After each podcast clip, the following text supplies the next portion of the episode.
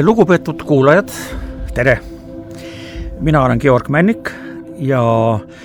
praegu me esineme parempoolsete podcasti järjekordses saates, episoodis, kus me räägime tervishoiust. ja meil on siin kaks külalist, kaks kolleegi, ma pean täpsemini ütlema, härra Tiit Meren ja härra Peeter Ross. kui te ütleksite enda kohta üks-kaks lauset iseloomustuseks, siis me saame ka öö, öö, rääkida sellest, mida me tahame teile edastada, palun. Peeter, ole lahke. mina olen Peeter Ross, olen hariduselt arst ja ametilt radioloog ehk eh, meditsiiniline fotograaf ja pean ka ühtlasi eh, professori ametit Tallinna Tehnikaülikoolis, eh, valdkond on e-tervis. lisaks olen viimased kümme aastat konsult-, konsultandina töötanud nii Maailmapanga, Aasia Arengupanga kui Saksa Arengupanga projektides umbes kahekümnes maas, peamiselt Ida-Euroopas ja Aasias, aga ka Euroopa Liidus. aitäh, Tiit! ja mina olen siis Tiit Meren, arst ja, ja kirurg, üheksakümne kolmandast aastast koos oma partneri Andrus Loogiga oleme loonud erakliiniku, tol ajal veel Keila südamekliiniku, täna taastava kirurgiakliiniku, olen vahepeal ka nii-öelda natuke mööda maailma käinud ja ehk var-, rahvusvahelise võrgustiku liige ja olen ka Afganistanis käinud, nii et mitmelt poolt nii kriisisituatsioonis meditsiiniküsimuste lahendamist kui ka tsiviilpoolel et suur aitäh, nii et mina ise samuti olen töötanud nii erasektoris kui ka kui ka riigisektoris tohtrina teadustööd teinud, väga palju ka rahvusvahelist konsultanditööd. Ja meie kokkusattumine täna oligi seotud se-, selles, selle ideega, et me esindaksime võimalikult laia maailmapilti, ütleme võib-olla isegi kas siis tolerantsemana või siis globaalsemana, see ei ole võib-olla nii tähtis, me tõepoolest oskame kamba peale siin ju äh, kommenteerida, et me oleme töötanud tõepoolest Mongooliast Ameerika Ühendriikideni, me teame enamikke riike, kuidas nad töötavad, reaalselt mitte paberi peal, samuti meil on kamba peal ja vähemalt kolm või neli doktorikraadi,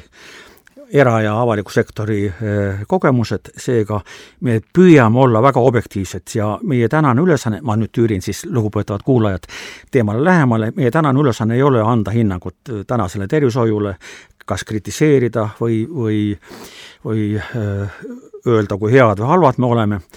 kuid meie ülesanne, täpselt mis ülesanne meile anti, oli see, et isegi need inimesed, kes tervishoiuga ei puutu niimoodi kokku, nagu meie seda igapäevaselt puutume, on jäänud selline mulje, et on tervishoiu kestlikkusega vist kasvamas mingid probleemid. on korduvalt, me loeme, et Haigekassa väidab seda, et ei ole raha ja raha jääb kogu aeg vähemaks, siis eriarstide juurde järjekorrad kasvavad, nii et on väga raske nüüd ette näha, et kuidas see tervishoid meil välja hakkab nägema näiteks kümne või kahekümne aasta pärast ja kui me nüüd vaatame ka esmatasandit ja vaatame kuidas on meil siis inimressursiga varustatus nii haiglates kui ka esmatasandil, siis me näeme, et neid kitsaskohti on hästi palju. teeme, kas me kas me saaksime tänast diskussiooni niimoodi arendada, et et me püüame vaadata nagu tulevikku, kuidas peaks nägema tervishoiusüsteem tervikuna välja ja siis võib-olla vaatame, kas meil on mingeid tarka mõtteid, mida peaks inimesed seal tegema, mida peaksid tegema eriarstid ehk haiglad täpsemini, mida esmatasand, perearstid peaksid tegema ja siis, kuna meil on siis äh, lugupeetud professor ka külas, siis äkki me räägime natukese ka siis digimaailmast, sellepärast et sellega me oleme tegelikult kõik ühel või teisel moel kokku puutunud ja, ja me võib-olla ei ole päris nõus sellega, kui öeldakse, et me oleme suured tiigrihüppetegijad IT-s, pigem võib-olla innovatsiooni siiski maha jäänud. seega siis äh, vaatame natukese just tuleviku väljavaates, kas on võimalik meie tervishoiusüsteemi võimestada, tugevamaks teha ja püüame võtta aluseks kolm asja. Need kolm asja on Euroopa Liidu alusdokumentidest pärit, millele me oleme ise alla kirjutanud, selles mõttes on meil teiega absoluutne mandaat, mis on poliitikaülene, sest Eestis on olnud ainult kaks rahvahääletust, üks on astumine Euroopa Liitu ja teine oli põhiseadus. ja Euroopa Liidu alusdokumendid väga selgelt ütlevad, esimesel kohal seal on isikuvabadused kas me on, jälgime isikuvabadusi oma ettepanekutes, teiseks turumajandus. Tihtipeale meile öeldakse, et, et tervishoius ei ole turumajandus võimalik ja konkurents ei ole võimalik, ma arvan, et tegemist on väga ekslike seisukohtadega, ja, ja kolmas on subsidiaarsusega lähemuspõhimõte, mis tähendab seda, et kokkuvõttes kui ikkagi tervis hakkab kehvaks minema, siis see hakkab inimesest endast peale. ehk püüame jälgida need kolm põhiteesi, sest me peame õiguslikust aspektist ju lähtume nendest, me ei saa arendada, ma võib-olla ütlen natukese pahasti, eh, oma kogemusi kuskilt sotsialismi ajast ja neid eh, kogemusi praegust aega üle kandma, seda õigust meil ei ole. nii et seega proovime rääkida, kuidas me kujutaksime ette tervishoidu suurt pilti tulevikus kümne-kahekümne aasta pärast? Ja jutt on selles mõttes fantaasiasaatega, et me ei ole seda midagi kokku leppinud, aga arvestades meie väga kirjut äh, mm, tausta, ma usun, et, et ma tülli vast ei lähe, aga, aga loodame, et meie diskussioonist midagi ka sugeneb. nii et kes ütleks midagi oma arvamuse tänase tervishoiu parandamise võimaluste osas ja kus suunas, milles suunas peaks mõtlema. hakake kuskilt pihta, mis teile meeldib, vaatame, kas meil õnnestub see naaskel sisse ajada. palun, kes teist? No olgu, ma selles mõttes võin siis otsa nagu lahti teha, et iga päev nagu põllul olles, ehk tähendab iga päev haigete ja inimestega kokku puutudes, nii polikliinikus kui ka mööda Eestit ringi sõites erinevates, erinevate haiglate polikliinikutes vastu võttes, noh, torkab kohe ju see silma, et kuigi me leppisime kokku, et me ei kritiseeri seda olukorda, kuhu me täna oleme jõudnud, aga me ei saa tulevikku vaadata ilma selleta, kui me ei anna endale aru, missuguses seisus me täna oleme. ja täna tundub niiviisi, et et et inimestel juurdepääs arstiabile on ikka väga piiratud, sest on tohutud järjekorrad. Ja kui sa oled siis üks nendest paljudest eriarstidest, kes võtab ka polikliinikus vastu ja siis näed, kui palju inimesi tuleb otse eriarsti vastuvõtule, ilma et ta oleks perearsti juurest läbi käinud ja eh, inimesel ei ole mütsi ega ööd ega mütsi arusaamist, mis tema haigus on, tal on tekkinud mingi idee fiks, ta on kuskilt eh, võib-olla sotsiaalmeediast kuulnud, et vot niisugune haigus on ja äkki mul on see ka, et kui me saaksime esmatasandi meditsiini nii toimima, nagu, nagu raamatu eh, sõna väidab, et Hollandis üheksakümmend protsenti probleemidest lahendatakse esmatasandis ära, siis järjekorrad kõigepealt tänased, mis on tohutult tekkinud ja neid kangelaslikult tahetakse lahendada, aga mulle tundub, et üritatakse valest otsast lahendada. et peame ikkagi ressurssi, ajupotentsiaali ja kompetentsi esmatasandile juurde andma esiteks, teiseks, kuidas siis harida inimesi, neid patsiente, et nende ootused nende tervisele oleksid realistlikud. no see on nüüd, võiks väga paljudest asjadest rääkida, aga, aga mulle tundub, et see on see esimene takistus, millest, millest tuleks nagu lähtuda ja mida üritaks kõrvaldada, ja kui see asi õnnestuks kõrvaldada, et esmatasand filtreerib kõik ja lahendab inimeste esimesed mured ära ja kui siis tekib seal probleem, et ei oska lahendust pakkuda mingi inimese probleemile, siis need järjekorrad eriarstidel oleks väiksemad ja kui samaaegselt patsiente ehk inimesi oleks mis iganes moel siis suudetud harida nii palju, et nende ootused arstiabile oleksid realistlikud ja ise oleksid motiveeritud ennast tervena hoidma, siis oleks tulevikuvaate äh, olukorda palju lihtsam kirjeldada. Suur aitäh mul on selline tunne, et, et tegelikult sa ütlesid küll, et see on ainult üks vaade, aga tegelikult kui me seda vaadet nüüd hakkame arutama, siis me saame võib-olla mitu päeva räägitud. nii et tegelikult ma arvan, et väga asjakohased märkused ja vist me saamegi nende juures täna kõvasti peatuda. Peeter, tekkisid sul mingid emotsioonid? jaa, teie mõlema eh, sissejuhatus kõnetab mind väga palju, esiteks Äh, turumajandus, konkurents äh, viib kohe mõttele, et äh, mis on siis see turg, kus me tervisega kaupleme. ja, ja teistpidi, mida Tiit rõhutas, et tähtis on terviseteadlikkus, haridus just inimese enda tunnetus, millisena ta oma elu tahab elada, et ega neid nii raske kokku polegi viia. kui me, kui me vaatame seda turumajanduse poolt, siis, siis ma arvan, et hästi oluline on kõigepealt see kokkulepe ühiskonna sees nii nagu me ei lähe ehituspoodi piima ostma, nii me peaksime ka tervishoius aru saama, et, et on asju, mida on võimalik arsti käest saada, õe käest saada ja on asju,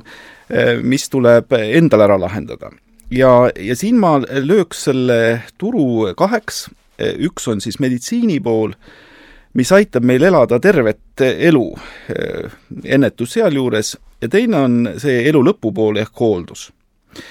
ja, ja me oleme hästi palju äh, rõhku pannud Eestis, äh, ma arvan, edukalt sellele äh, rahajaotusele meditsiini pooles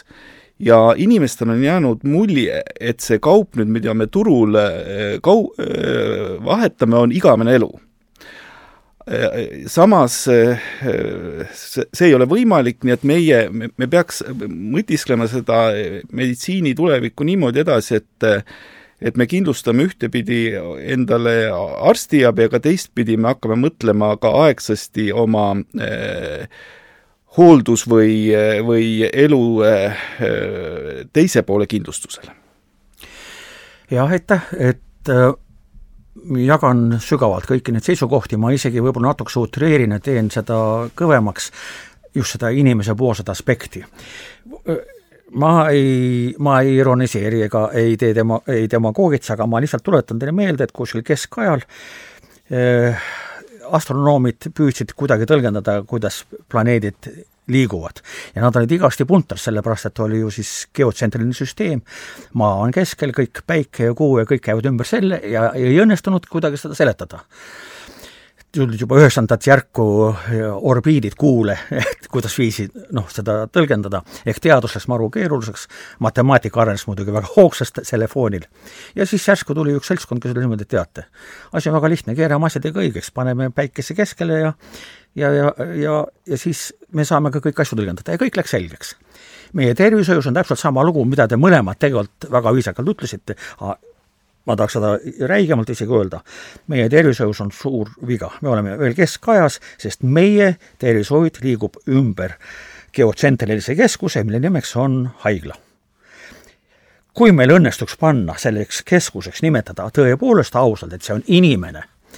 oma vabadustega, valikuvabadustega, siis sellisel juhtumil me saame paljudele nendele küsimustele, mida esitati meile enne seda saadet,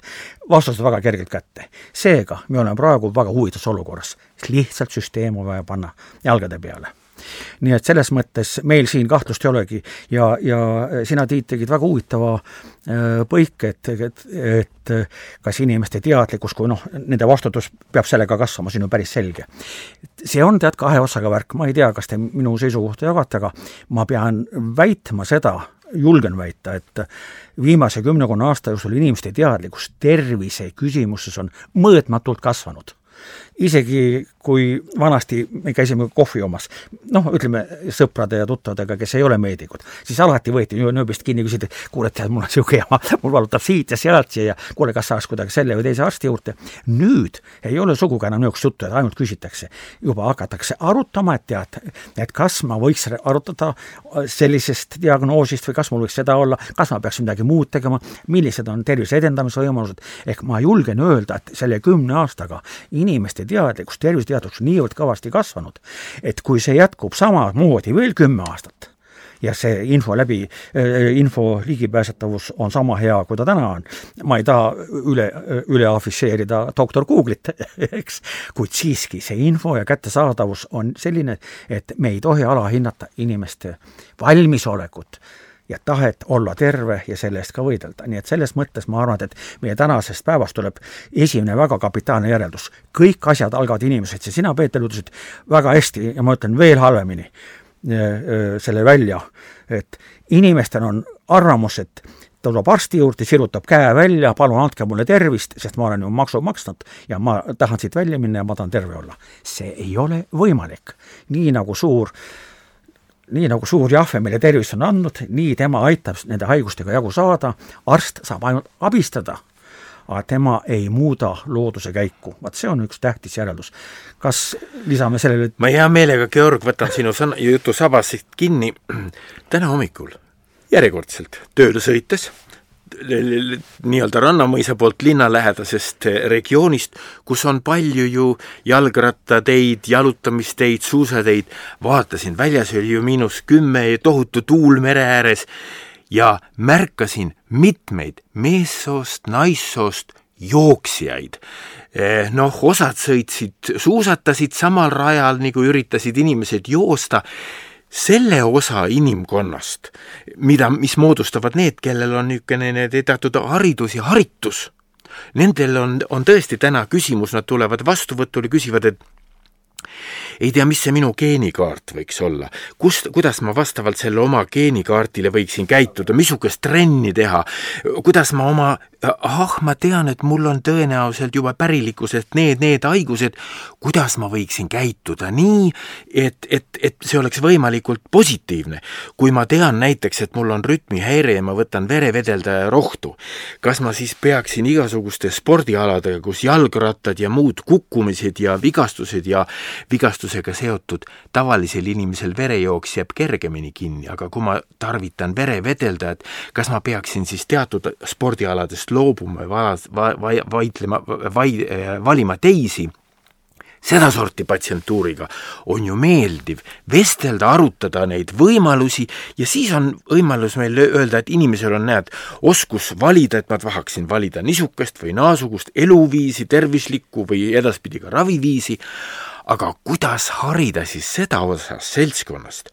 kes on saanud, las ma siis nüüd ka natuke räigelt väljendun, nõukaajast kaasa selle, et te peate mind terveks tegema ja üleüldse, ja kui ma käin ka natukene võõrakeelses Eesti osas, kus on võõrakeelne patsientuur, siis neil on eriti komme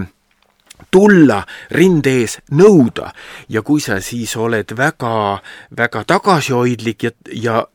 siis sa, sa ei suuda oma sõnumeid läbi lüüa. et kuidas harida neid inimesi, kes on aru saanud, et aga see on riigi ülesanne minu tervis korda teha. et kuidas need inimesed saaksid aru, et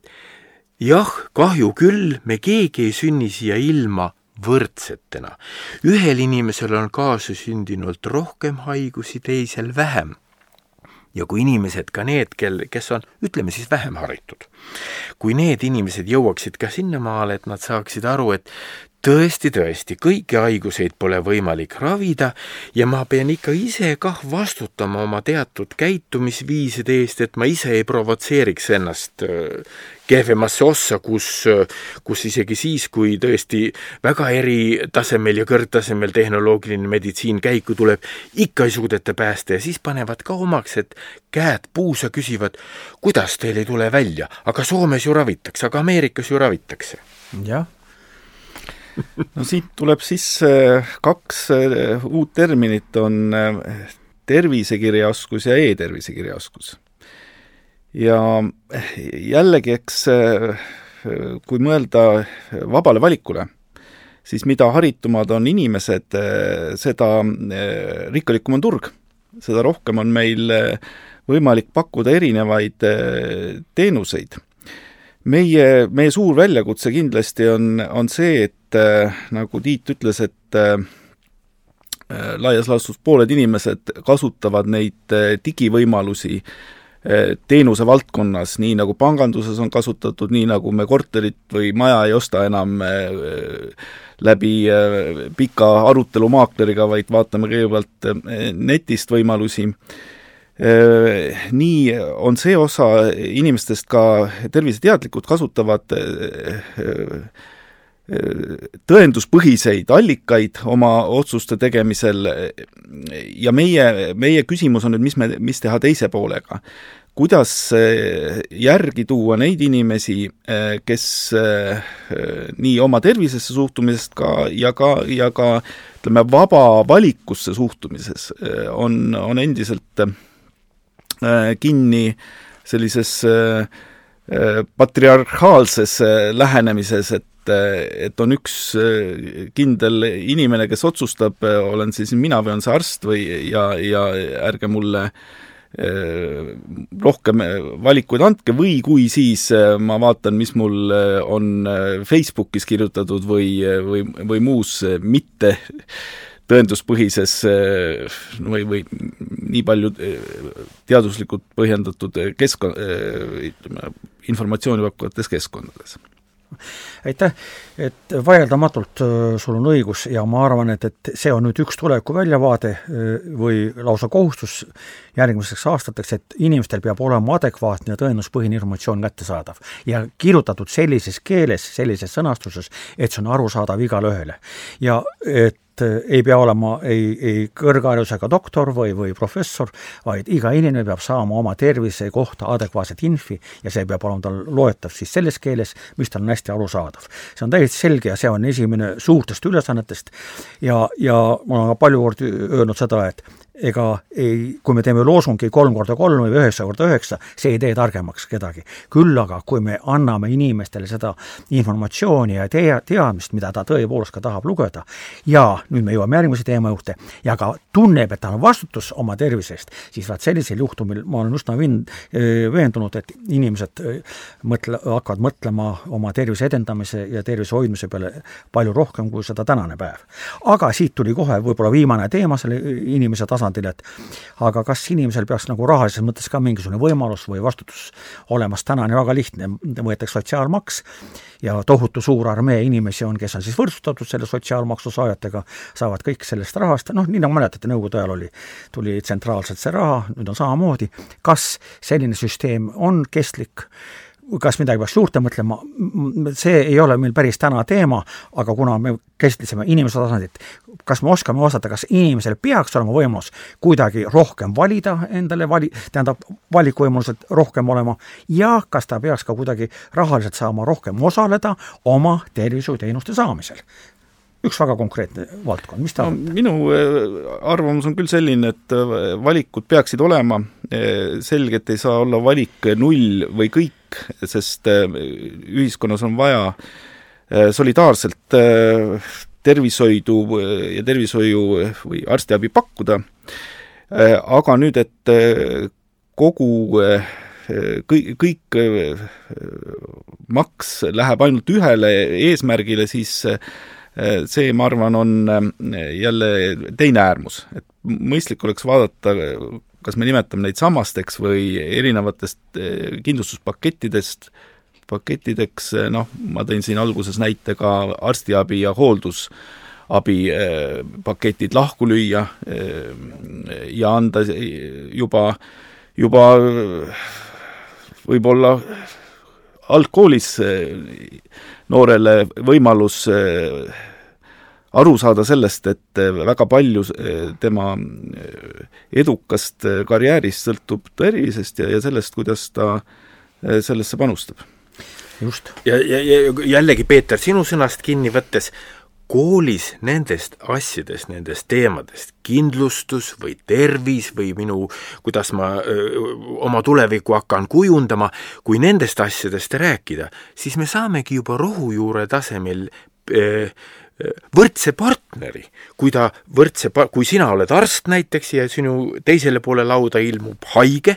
kes on tegelikult maast madalast juba haritud, siis ongi meil võimalus rääkida valikutest, võimalustest ja saame öelda ka, mis on siin elus võimalik, mis mitte, noh, vahekommentaarina.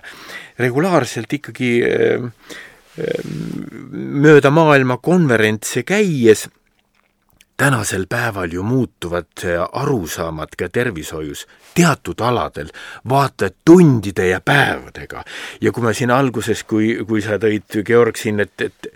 tõenduspõhine tervishoid ja tuled mingisuguselt maailmakongressilt koju Eestisse ja siis mingisugune ähm, niinimetatud oraator meditsiiniväljalt ütleb, et ei, ei, ei, see asi on niiviisi, vot me teeme nii, ja siis vaata, vaatad ja kuulad ja mõtled, et huvitav.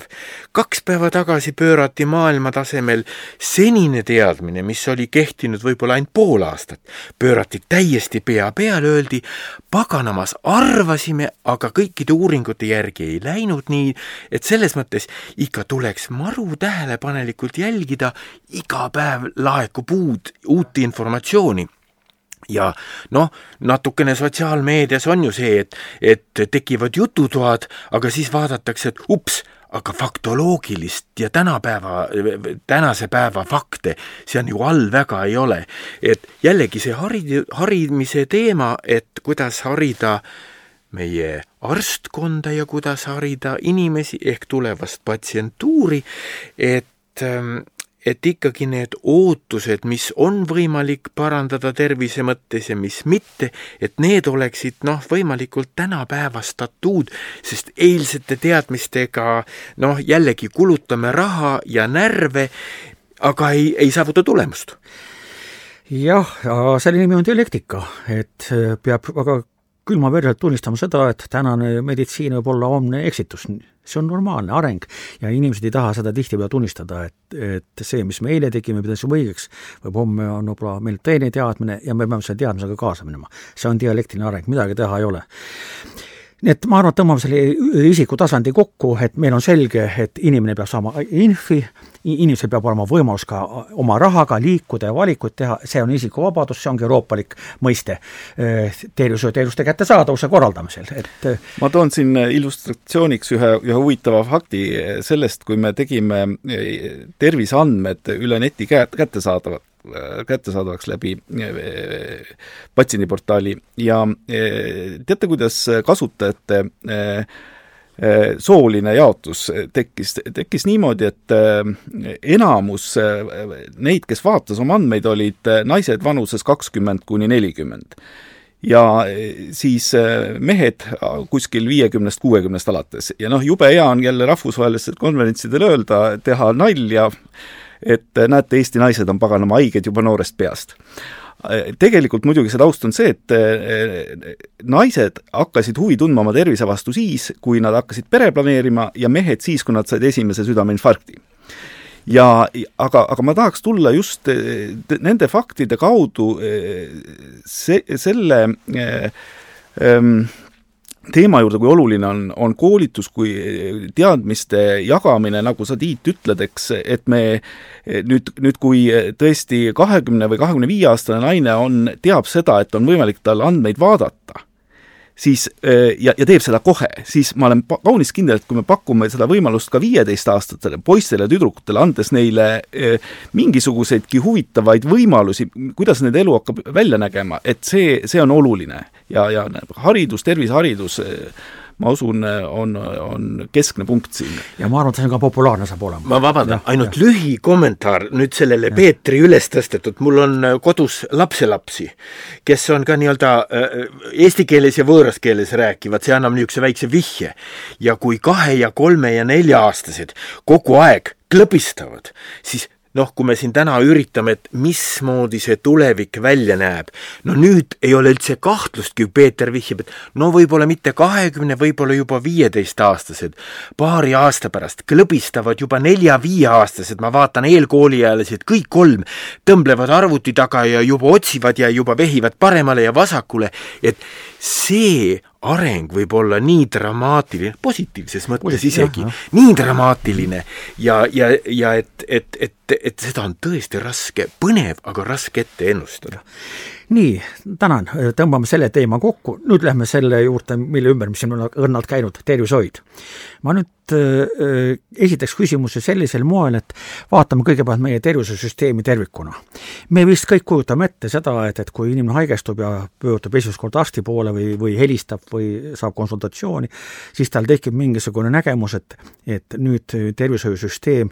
hakkab temaga tegelema selles mõttes, et paneb diagnoosi, konsulteerib, annab kas siis ambulatoorset ehk siis haiglavälist ravi või võtab haiglasse sisse uuringutes raviks, pärast saab hooldusravi, et see kõik on üks tervik. me oleme nüüd viimase kolmekümne aasta jooksul näinud, et me ei ole selle ühtse tervikliku patsiendi teekonnaga õigupoolest kuhugile jõudnud. on asi ikkagi killustatud ja, ja palju aastaid ma olen toonud väikse näite, et meie tervishoid meenutab ikka rohkem ja rohkem, mis mitte rohkem ja rohkem, kogu aeg on see nii olnud, nõukogudeaegset autoteenindust, et esiteks sa pidid vaeva nägema, et saad teenindusse, siis sa pidid vaeva saama, nägid vaeva, et saad saatekirja lattu, et saad mingid puksid, siis tuled tagasi, saad eks rattad vahetama, siis saad uue saatekirja, et õli vahetamiseks, siis sa pead lattu minema, et õli saada, nii see värk käibki ehk on tõeliselt killustatud ja, ja arvestades noh, meie ajaga natukese eh, piiratust, ma teeks ühe väite ja, ja hea meelega kuulaks, mida te arvate selle kohta. meil on, ma arvan, et meil on olemuslikult tervishoiusüsteem killustatud ja mida ei saa mitte ühegi administratiivse mudeliga kokku panna. sellepärast, et esmatasand on üles ehitatud eraõiguslikkusele ja erakapitalile, eh, nendele põhimõtetele ehk tõeliselt noh, nagu turumajandus, nii nagu see mujal maailmas on, ja nende motivatsioonid ja põhimõtted teenuseid osutada on ühest maailmast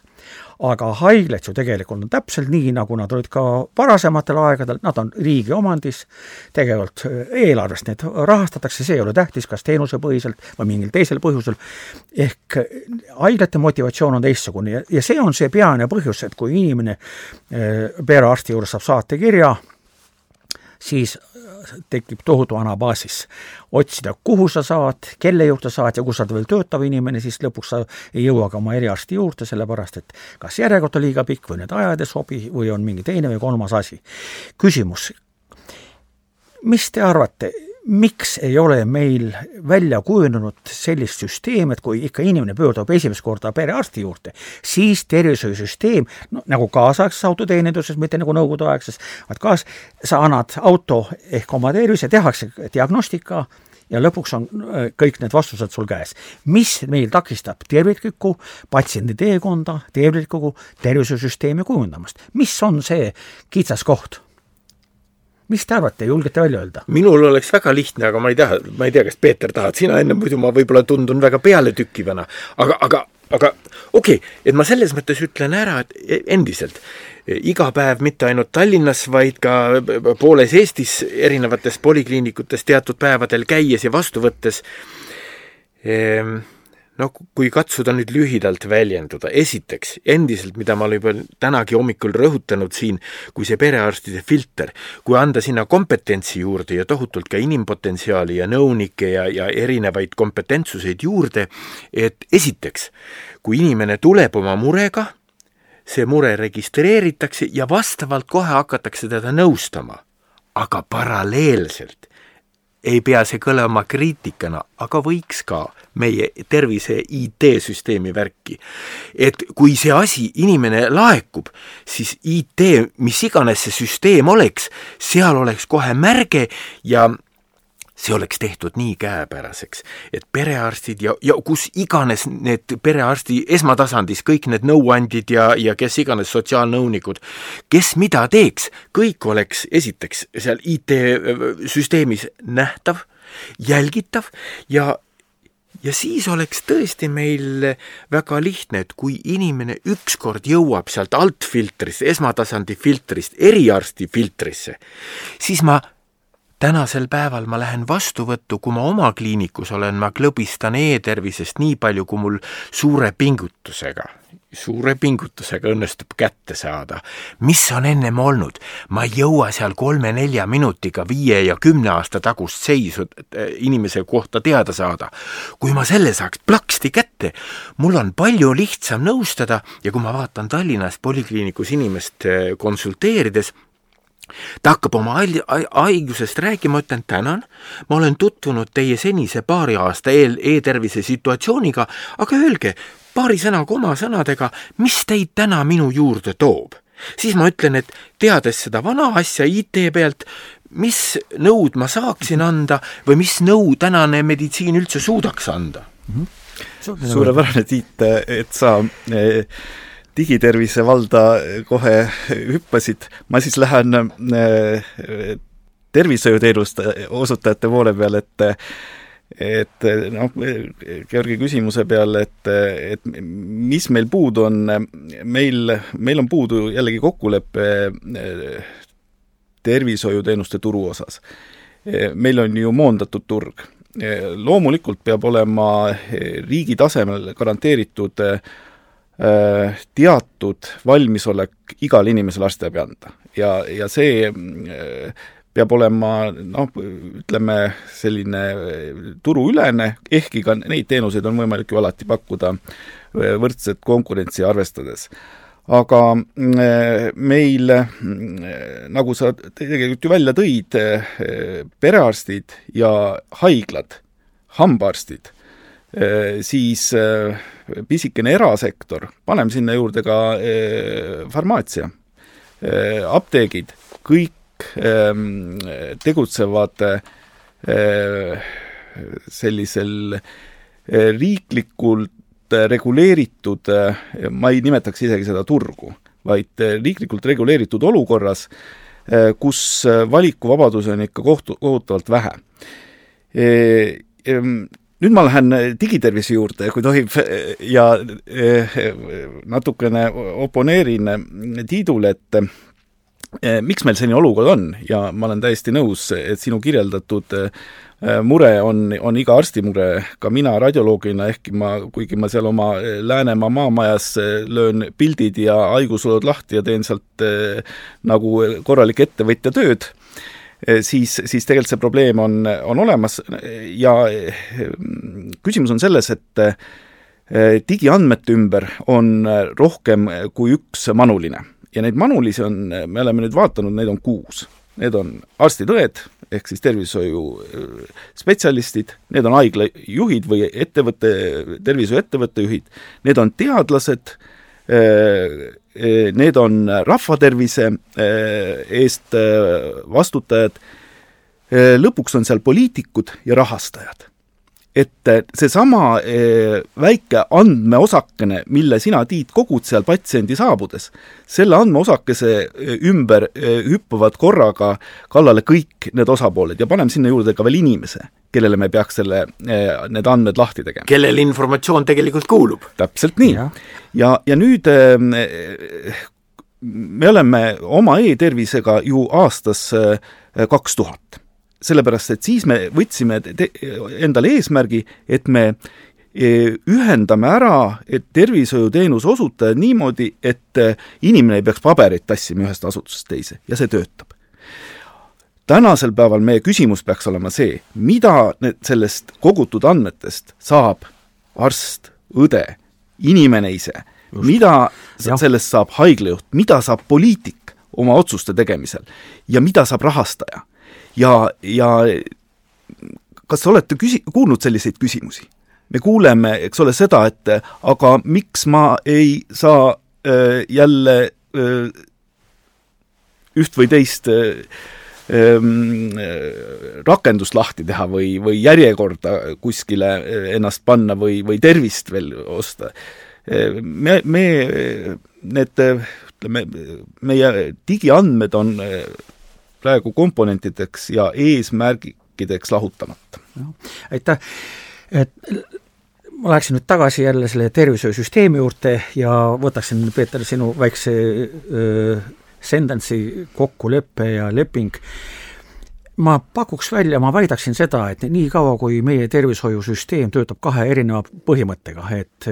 üks on selgelt eraõiguslik seltskond ja erakapitalil põhinev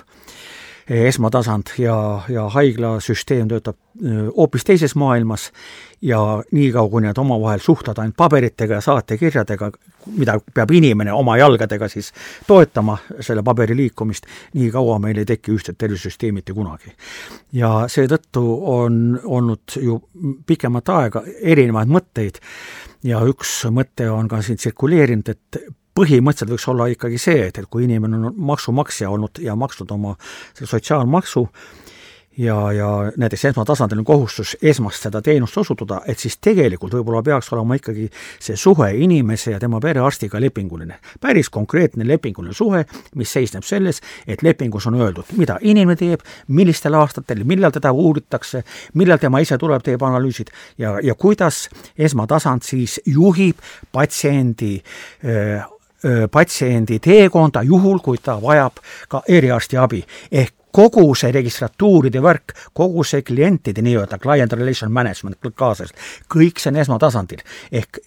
haiglate juures ei ole mingisuguseid registratuure ega, ega ka selles mõttes noh, polikliinikuid, vaid on väga selge, patsiendi ehk inimese haldur on esmatasandi perearst,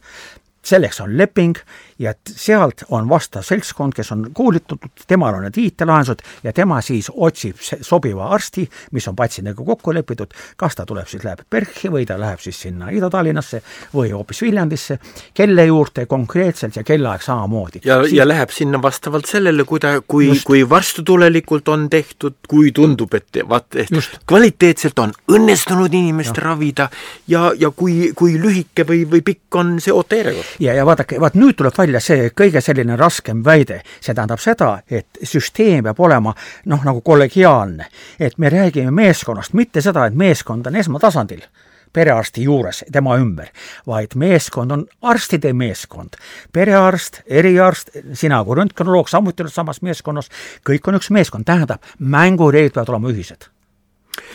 ma, luba, luba, luba, ma ütlen, et kui sa ütled, et peaks olema nii, kui ma öösel eh, telefonihelina peale üles ärkan ja, ja kõnelen, kuna mu abikaasa on arst, siis ta saab aru, aga muidu ta mõtleks, et ma ei räägin äkki armukesega. sellepärast, et öösel helistatakse mulle näiteks Narva EMO-st, öeldakse, kuulge, meil on selline haige, vot niisugune, niisugune asi, mis me teeme et tegelikult juba täna töötab tegelikult ka, nüüd olgu EMO-ga ma räägin, aga no perearst võiks samamoodi helistada, et teatud mõttes meil juba spontaanselt nagu niisugune asi töötabki,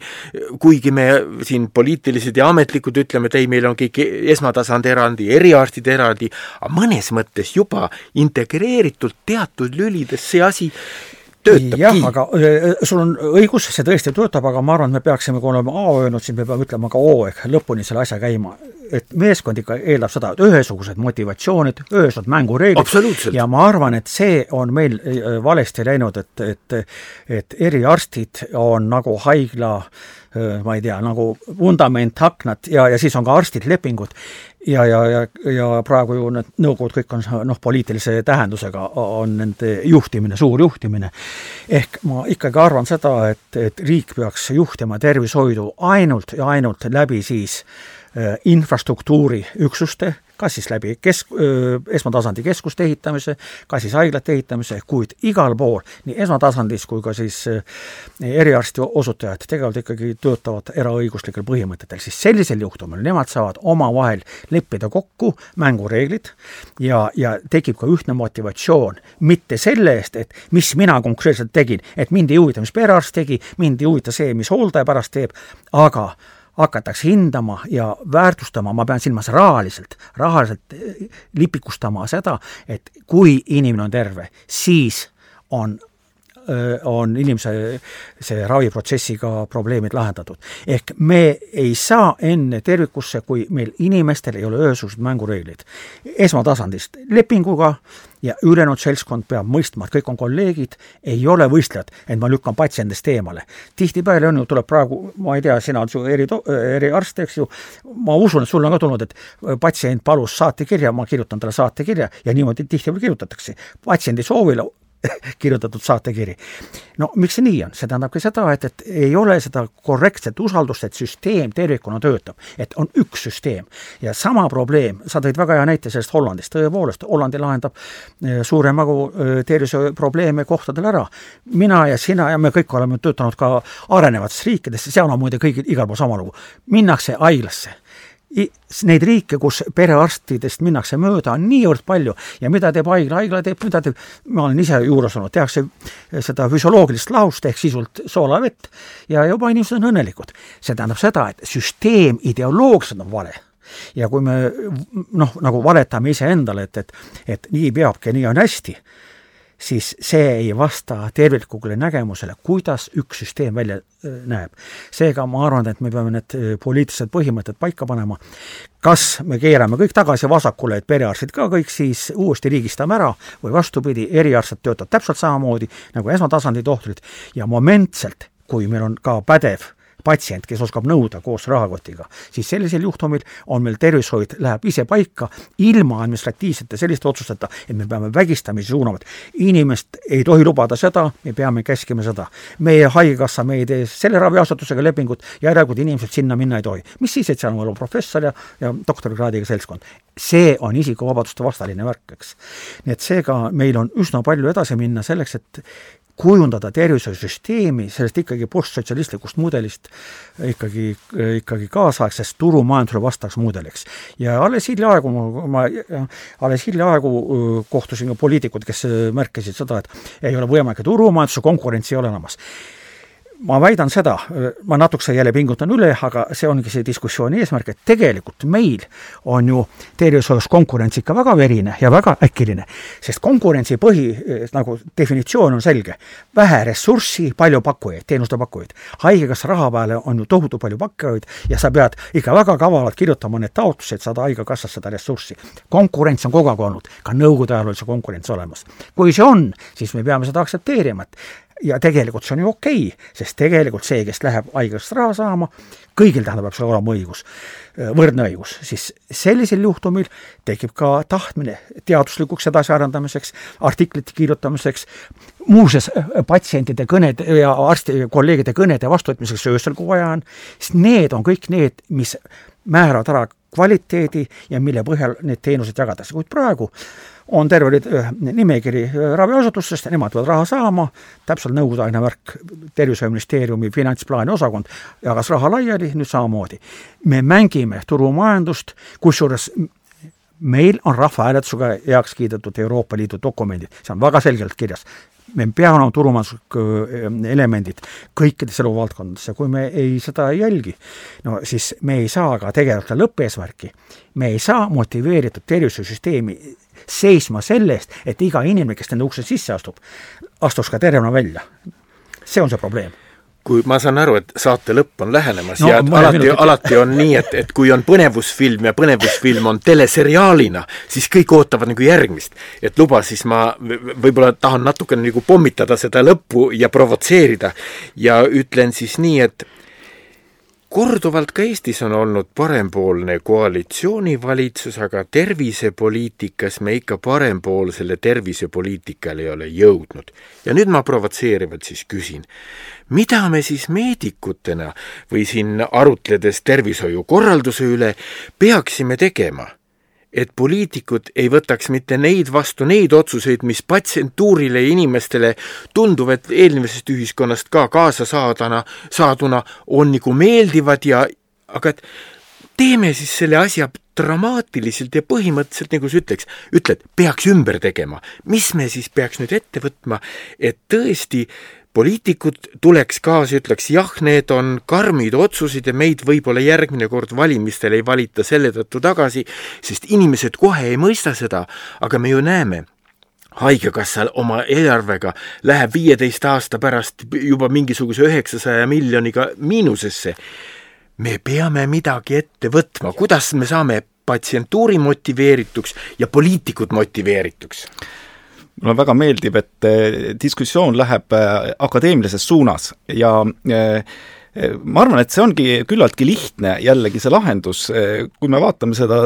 tõenduspõhise, põhisuse seisukoha pealt. ja meditsiinis me oleme harjunud sellega, et meil on juhuslikud, äh, randomiseeritud kliinilised uuringud, mis tähendab seda, et siis pooled äh, patsiendid saavad ühe, ühtemoodi ravimit ja pooled ei saa üldse ravimit või saavad mingit teist ravimit. nüüd tervishoiukorralduses kahjuks selliseid katseid teha ei saa või kahjuks me oleme juba selle katse siin tõesti teinud, et kakskümmend aastat me oleme või kolmkümmend aastat oleme teinud teatud suunas seda tervishoiu arendamist, aga me ei tea tegelikult, mis oleks olnud, kui me oleks mõned otsused teistmoodi teinud, õigeaegselt teinud ja. ja me ei tea ka seda, kui me nüüd teeme otsuseid, siis äh, milli-, milline on äh, selle tulemus. aga nüüd äh, on olemas ka meetodid, kuidas ühiskondlikke protsesse uurida. ja Tiit, sa tõid, ma, ma kohe võtaks sinu katsesse sisse, sellepärast et selle paari-kolmekümne aasta jooksul, mis me oleme koos töötanud, oled sina ju olnud noh, nii-öelda piloot projekt ehk või, või siis võib öelda ka katse mõttes selline hoopis teise metoodikaga vaadeldav katse, kus, nagu sa ütled, sinu eh, puhul eh, on patsient, teine arst ja sina, kes moodustavad selle kolmnurga, et meil on vaja patsiendi ravida. nüüd, nüüd see teine eksperiment, mis meil on siin olnud kolmkümmend aastat, on see, et meil on olemas kogutud raha ja meil on olemas otsustajad, kes peavad selle raha ära jaotama ja, ja siin ongi kaks, kaks väga lihtsat akadeemilist ülesannet üks on see, et äh, me vaatame, kuidas on läinud äh, ütleme, sinu äh, ühel mudelil, ühel mudelil, kuidas on läinud teisel mudelil ja edasi on ainult kas magistri või siis doktoritöö kirjutamine Nojah, tegelikult ju seda teist mudelit on korduvalt analüüsitud ja see oli ka meie saate ju põhjus, miks meile paluti rääkida, ju tegelikult ju ka kõrvalvaatajad on näinud need erinevad juba olemasolevad magistritöid, mis tegelikult ütlevad, et ju süsteem ei ole ju kestlik. sellisel moel tervishoid ei saa edasi käia. see on juba tõestatud. ja, ja, ja sa, ja selles mõttes ma olen sinuga väga nõus, et tegelikult lahendused on suhteliselt lihtsad, sest mudelid on olemas. meil on tegelikult olemas ja mujal maailmas on olemas. nii et selles mõttes, kui sa ütlesid, et maru keeruline, et ei osata tegelikult ju vastus on kõik teada. on ainult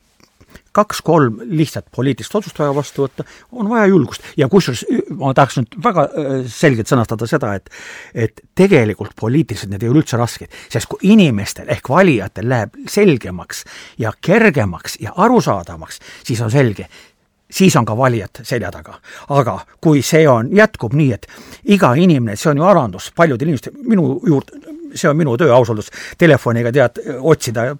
oma tuttavatele tead arsti kuskil. et see on ju suur õnnetus, see on ju alandus inimene käib tööl, saab perearsti keelt suunamiskirja, saatekirja Google'i ja siis hakkab see asi peale. kus ma selle arsti leian, seda, see on alandav. kui me likvideerime need asjad ära, tekitame ühtse läbipaistva süsteemi, siis on alati see poliitiliselt aktsepteeritav. nii et ma arvan, et lahendused on tegelikult väga lihtsad, lihtsalt vaja teha. ja üks lühikene repliik veel poliitikutele äh, nagu äh, toetuseks. alati, kui ma võõrsil olen ja oma võõrsil olevate kolleegidega räägin sellest, mida me Eestis siin teeme, siis nad ütlevad, pagan, väike riik, aga näed, kui paindlik ja kohati isegi innovaatiline. ja poliitikud ju kodus ütlevad ei, ei, ei, parempoolsed samamoodi. me ei saa tervisepoliitikas nii radikaalseid asju sisse viia, sest valimistel meid ei valita aga nüüd üks nii-öelda ma-, mahlane õun ka poliitikutele. et te küsite, mis nemad, nemad küsivad, mis nemad sellest kasu saavad. aga nemad saavad selle teadmise, et muu maailm vaatab Eesti poliitikute peale, kes on nõus olnud minema sellele teele, et nad muudavadki tervisepoliitikas ka asja radikaalselt ja kõik ütlevad, jah, seal võib libastuda, seal võib eksida, aga Te teete huvitavat asja, sellepärast on lääne inimesed rahvusvahelisest võrgustikust öelnud, eestlased, te olete ju tuntud sotsiaalsete eksperimentide edukad korraldajad. tehke see te tervishoius läbi, kui teil see õnnestub, siis ongi see, mida meie maailmas kohe hakkame võtma kasutusele ja kui me siin räägime, Eesti digiriik ja Eesti väike innovaatiline, see ongi see, nii et poliitikud, teil on põhjendus, miks minna võib-olla isegi inimestele ootamatutele lahendustele, aga ärge kartke jah, ja muidugi peab kogu aeg rõhutama seda, et kõikides dokumentides öeldakse elanikkonna vananemine, see ja teine, kolmas, ütleme otse välja, tulevikus inimene peab elu lõpuni tööl käima, järjekord peab olema hea tervis. ja et hea tervis tähendab seda, et see peab olema esimesest hetkest, esimesest telefonikõnest arstile või, või pereõele, kellele iganes, kuni selleni, et sul on hooldusõde käib kodus või sa oled kuskil hooldatav kas päeva, päevaravis või siis nädalaravis, et see tervik peab olema. Need on lihtsad otsused tegelikult, seal keerust ja poliitilisi riske on tegelikult väga vähe. aga lihtsalt ei viitsita sellega tegeleda sest ei ole kogu käega katsutavat kas tulemit või, või mis iganes, aga ma arvan, et äh, äh, järgmised parlamendivalimised või ülejärgmised vähemalt, tervishoiu teema ehk inimese elu ja sotsiaalne heaolu muutub prioriteediks. täna ta siiani prioriteet kahjuks ei ole. on midagi ära sealt lisada? Suur tänu! seega siis millal järgmine saade? Seega siis teemasid on ju nii palju, hooldus ja vanadus, see on veel veel arutamata. seega suur tänu, lugupeetud kuulajad, kellel oli kannatlikkust meie juttu kuulata, on te ridade vahelt kindlasti mõistsite, et et see tervishoiu valdkond, me hea meelega räägiksime siin võib-olla mitu päeva ja ka siis ei saa midagi ära räägitud. kuid fakt on see, tervishoiu areng on jäänud seisma peale sotsiaalkindlustuse reforme, Haigekassa äh, ja, ja, ja rahastuse ümberkorraldamist, tegelikult korrektset reformi ei ole olnud ja need ei ole rasked, tegelikult tõenduspõhine materjal on kõik olemas. nii et soovime kõigile üksteist tervist ja lugupeetud kuulajad, kena päeva jätku teile kõigile, aitäh! suur tänu! aitüma!